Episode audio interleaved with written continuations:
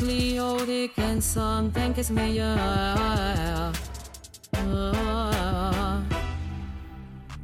Our soldiers need it. It can save lives. A hub of digital education. І бібліотеки саме модернізації. Välkommen till Biblioteken som tankesmedjor, en podcast om bibliotekens demokratiska uppdrag. Jag heter Max Valentin och jag är processledare. Idag ska vi ta en titt på det extrema. Kampen mellan hårdkokt auktoritär imperialism och skör demokrati. Jag är fast övertygad om att det finns väldigt mycket för oss i Sverige att lära oss av Ukraina. Inte bara om vad modern krigföring är, utan även om hur ett samhälle kan ställa om och förnyas i tider av kris. Det finns en rad exempel på hur man inför ny teknik i offentlig sektor, vad beredskap innebär i ett postdigitalt samhälle och inte minst vilken roll och funktion just bibliotek ska få. I Sverige har vi haft ett samtal som i stor utsträckning påverkas av det här kriget. Det är ett ökat tryck på frågor som vilken roll ska biblioteken ha i totalförsvaret? Och det har inneburit att vissa bibliotekarier har fått kommunala krigsplaceringar. Men en krigsplacering kan ju kännas ganska abstrakt. Vad får det för praktiska konsekvenser i det vardagliga arbetet? Än mer intressant för vårt projekt, Biblioteken som tankesmedjor, det är om det här får några demokratiska konsekvenser. För att försöka undersöka det här ämnet ska vi lyssna till ett par personer från den ukrainska bibliotekssektorn. The war effort starts here. It's a long and slow process, as you can see. They use anything they can get their hands on donated old clothes, new clothes, material straight from manufacturers, you know, sheets, pillowcases, coats, even uh, ladies' tights as well. Absolutely vital to try and make a pattern that is unreadable by anything in the air. This is also a, a library as well. It's actually reopened, such is the demand.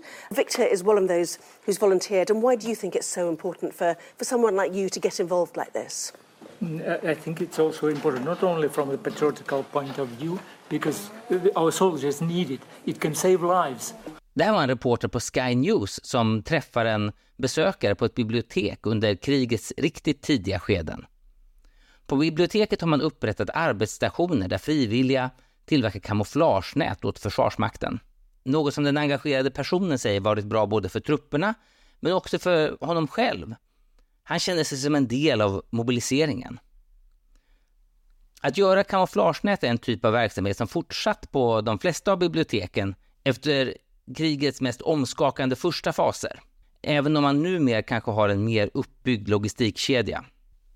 Jag reste ner till Ukraina under vårvintern 2023 och sen igen under sommaren. Jag ville prata med bibliotekspersonal och anställda på myndigheter som har beröring med olika typer av lokala institutioner som är kulturbärande. Men också för att få en bättre förståelse för hur det hänger ihop som ett slags ekosystem. Precis som med samhällsfunktioner i Sverige så är det ju givetvis en mycket komplex berättelse med många bottnar. Och jag kommer inte kunna redogöra för allt vad jag har hört och förstått. Men framförallt kommer jag givetvis inte kunna redogöra för de saker som har flugit mig över huvudet och som jag inte har förstått.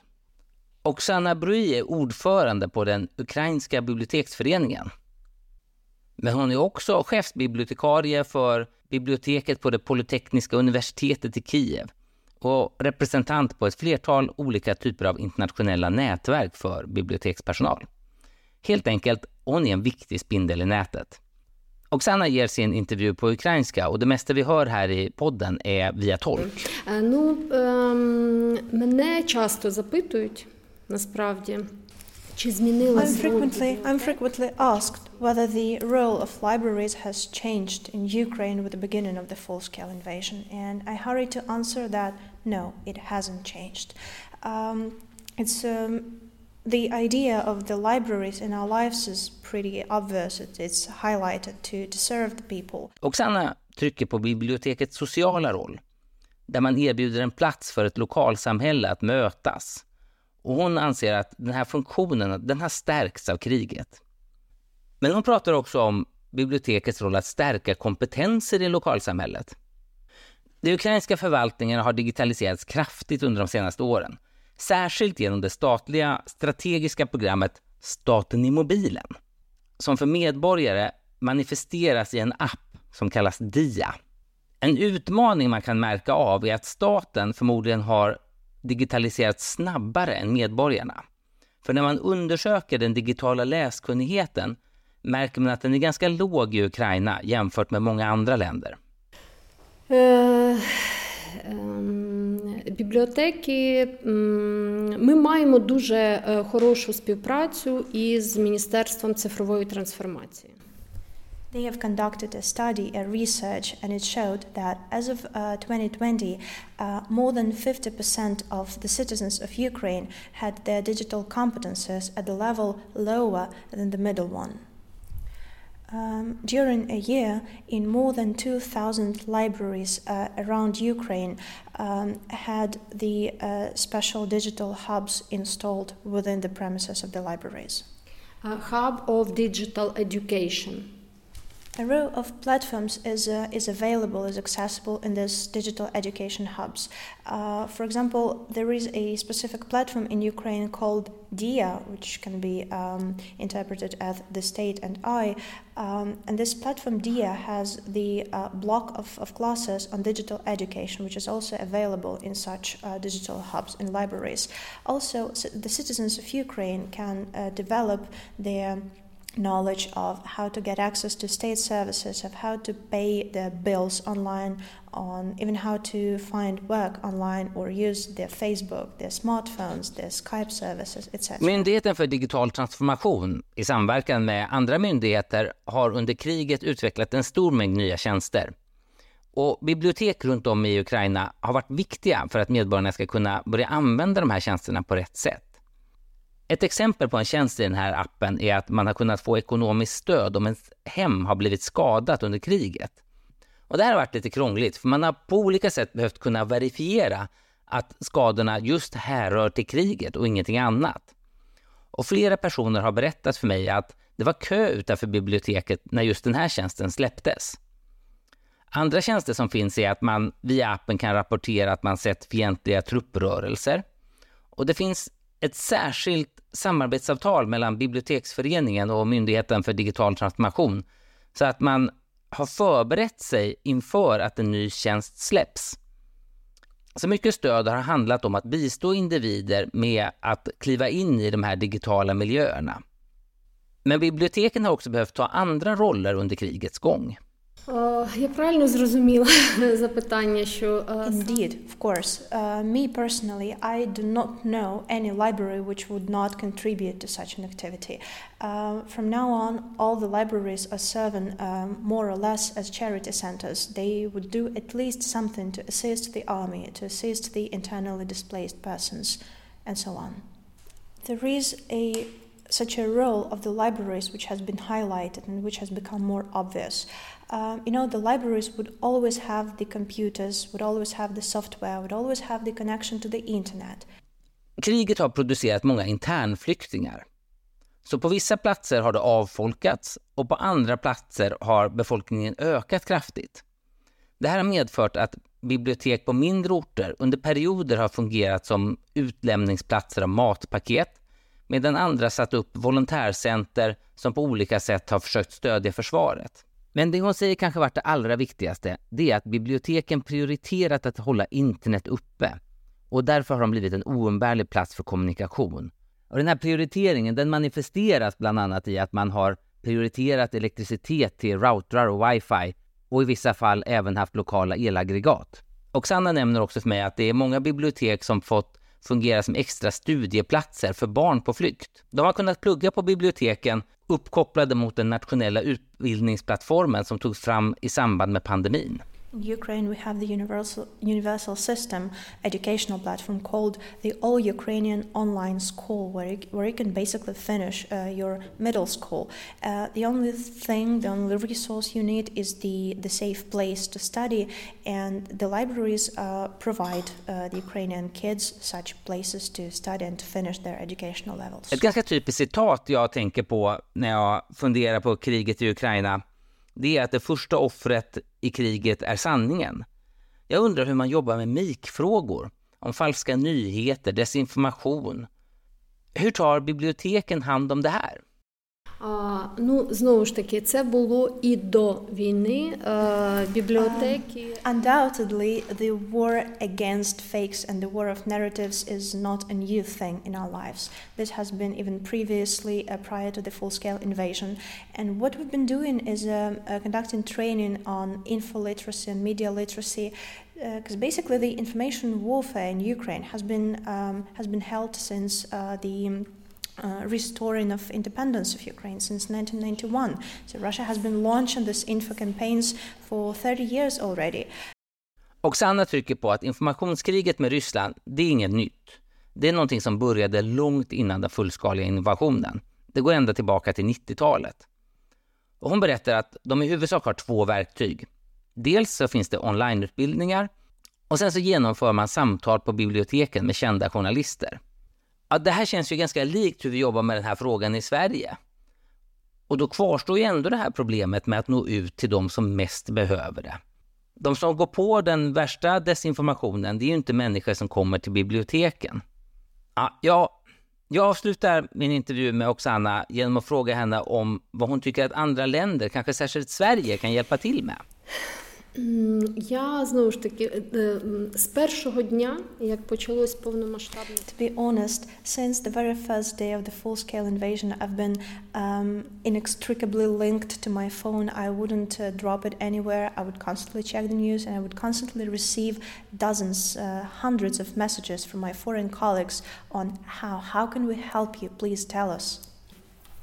And first and foremost, uh, the thing that I've I would tell my colleagues uh, previously, and I would reiterate now uh, speak up. Tell the truth in your communities and your local spaces about this war. Highlight the truth. The Swedish Library Association has been supporting us a lot. Now we can say that when Russia launches its missiles, its bombs, it usually targets the universities, the libraries, the archives, the museums, and we basically understand why. They, they understand they get the scope of value such institutions and such places have for us as a nation, what scientific, what historical, and what cultural value that do all of these targets for Russia have for us as a nation.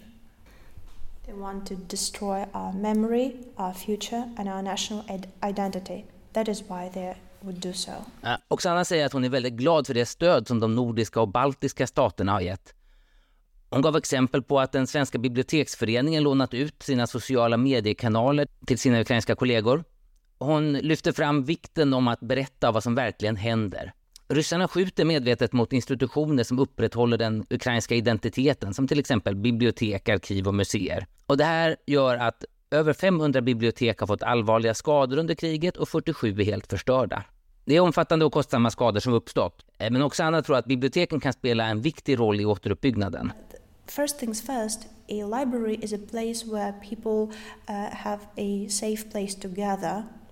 Together, and in some villages, in some communities, uh, it is the library to provide uh, the place for the people to gather and to discuss stuff. Secondly, um, sometimes the library is the place of uh, the free access to the internet and there are different uh, villages different um, mm, yeah there are different villages and sometimes the library is the only place uh, with the internet and thirdly uh, the library is the place where all kinds of studies can be um, can be had access to so since the library is such a complex organ, a complex mechanism, we would like it to have a, an important place in lives. Yeah? Oksana trycker på att biblioteken i Ukraina jobbar på tre nivåer. Den första och viktigaste nivån är att skapa en plats där invånare tillsammans kan lösa sina gemensamma problem. Den andra nivån är att individer kan få stöd att lösa sina egna digitala problem i relation framförallt till myndigheter. Och så finns det en tredje nivå där individer kan skapa sitt eget lärande och sin egen bildningsresa. Efter att ha samtalat med Oksana så tror jag inte vi kan underskatta bibliotekens roll i samhället, särskilt under kris och krigstider. De är inte bara kunskapscenter, utan de är också samhällscentrum dit människor dras och samlas, där man kan lära och stödja varandra. Och I Ukraina har biblioteken visat sig vara oumbärliga, inte bara för att främja den digitala kompetensen utan också för att stödja gemenskapen. Det är tydligt att biblioteken kommer spela en central roll i Ukrainas återuppbyggnad och framtid. Det tror i alla fall jag.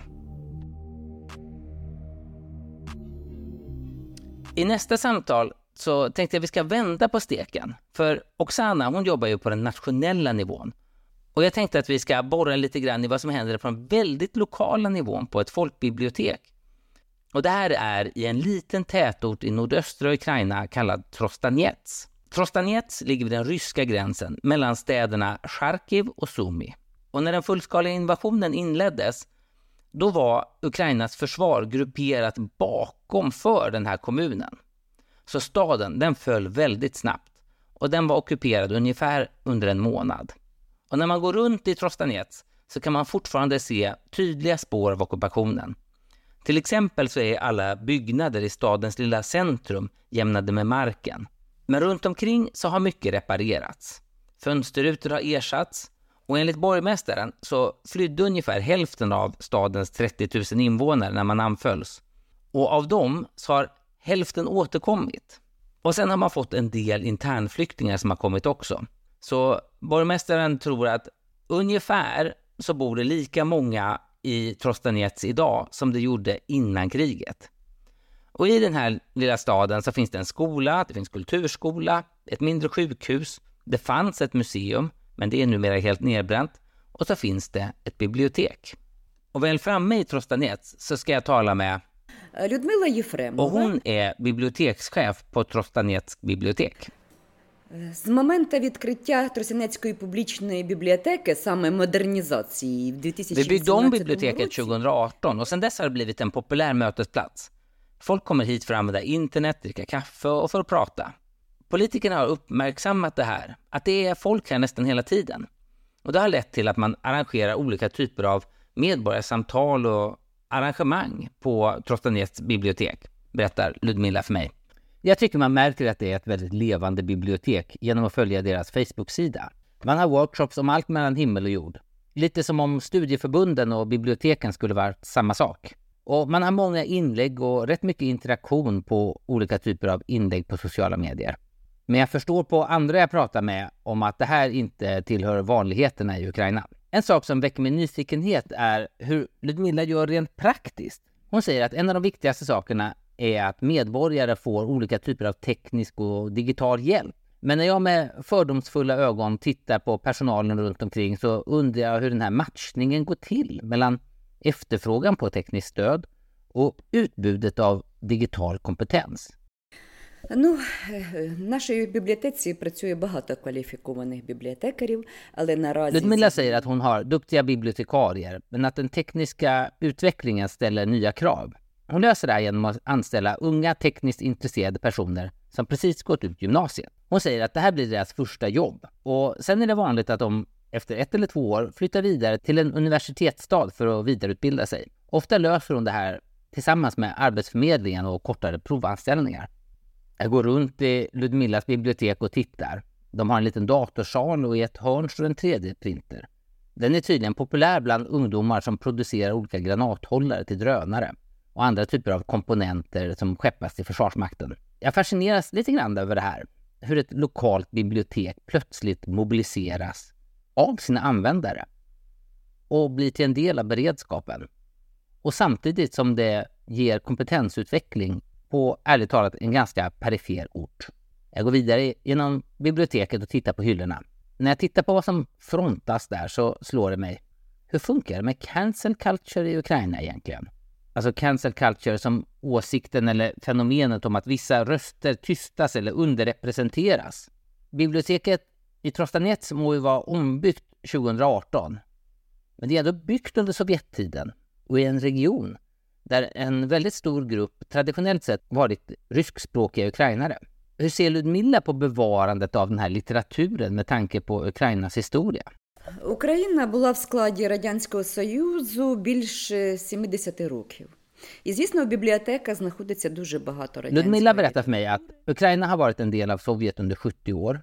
Och det är ju inget man kan radera. Och hon säger att det är inte bara för de tre generationer som vuxit upp i det samhället, utan även för oss idag. Men varje folkbibliotek behöver ju inte ha en uppsättning av Stalins böcker. vilket var ett krav under Sovjetperioden. Hon berättar också att vanlig litteratur, som typ Stephen King, fram till 2014 bara släpptes på ryska. Men efter invasionen av östra Ukraina så förändrades saker och ting ganska mycket. Nu kommer den översatta litteraturen även på ukrainska och det är den man lyfter fram. Och just nu står all rysk litteratur i magasin. Man kan beställa fram den, men det är ingenting som man skyltar med. Min sammanfattning blir nog att Trostanets bibliotek är mer än en plats för bara böcker. Det är en central för gemenskap. Man erbjuder tjänster och man är en plats för kommunikation och engagemang i lokala utmaningar.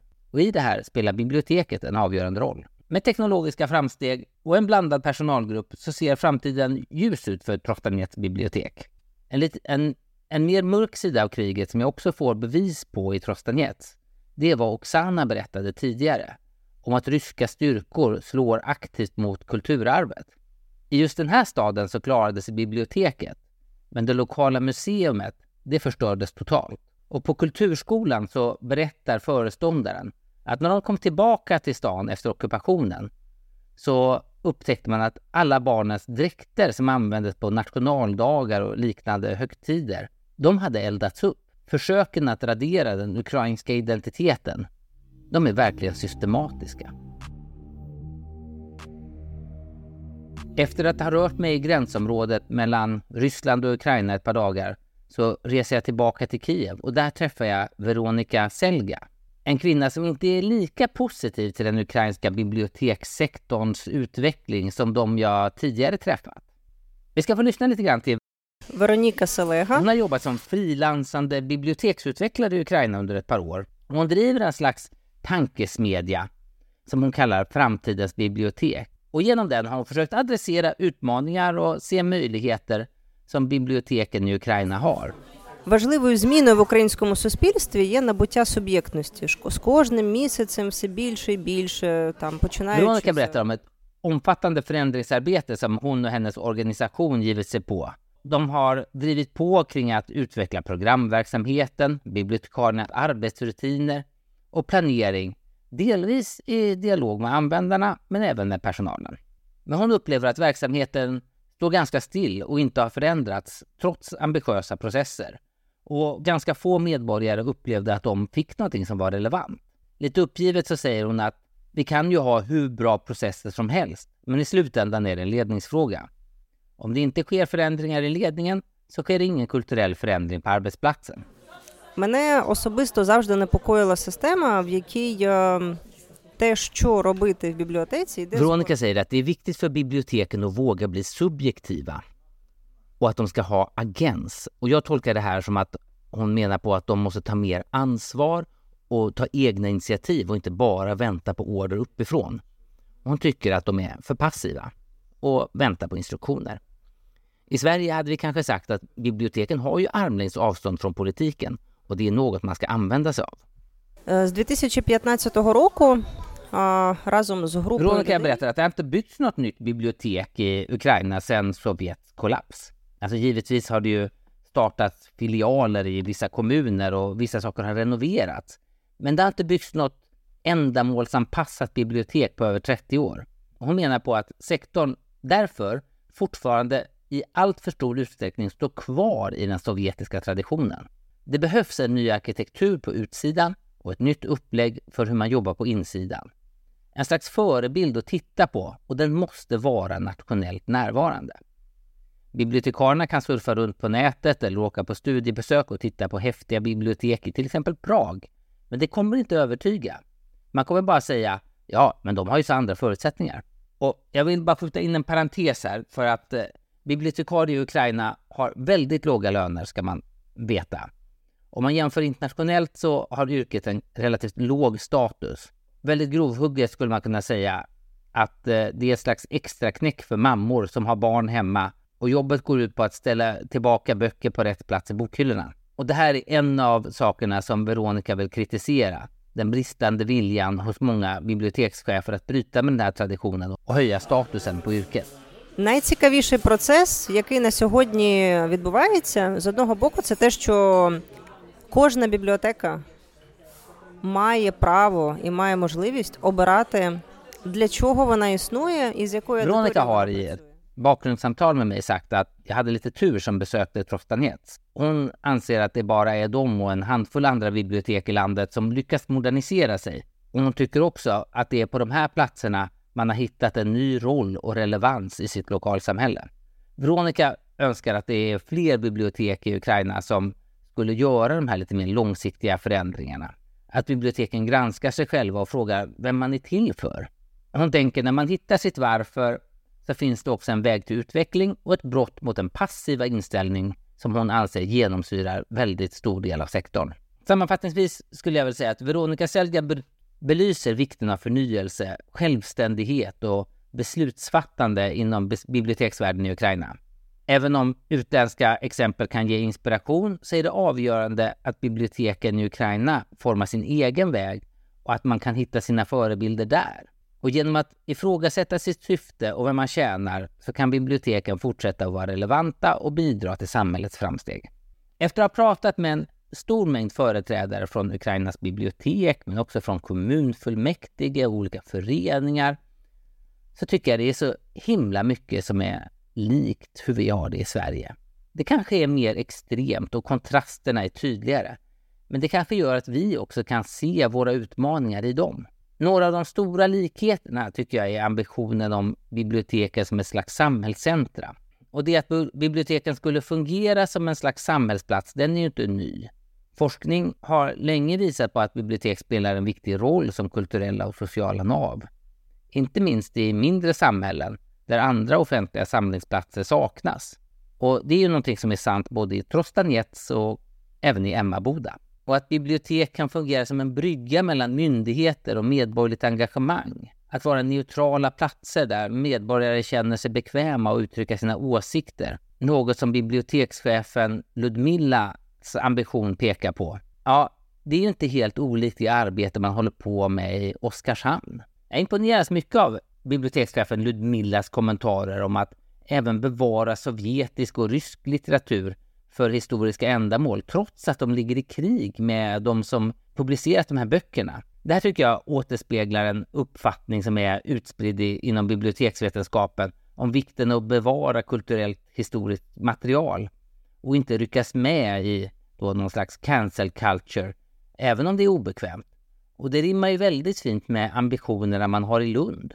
Att vara en tankesmedja som är relevant för lokalsamhället, det är någonting som är möjligt både inom Regionsamverkan Syd och i Ukraina, även om förutsättningarna ser väldigt olika ut.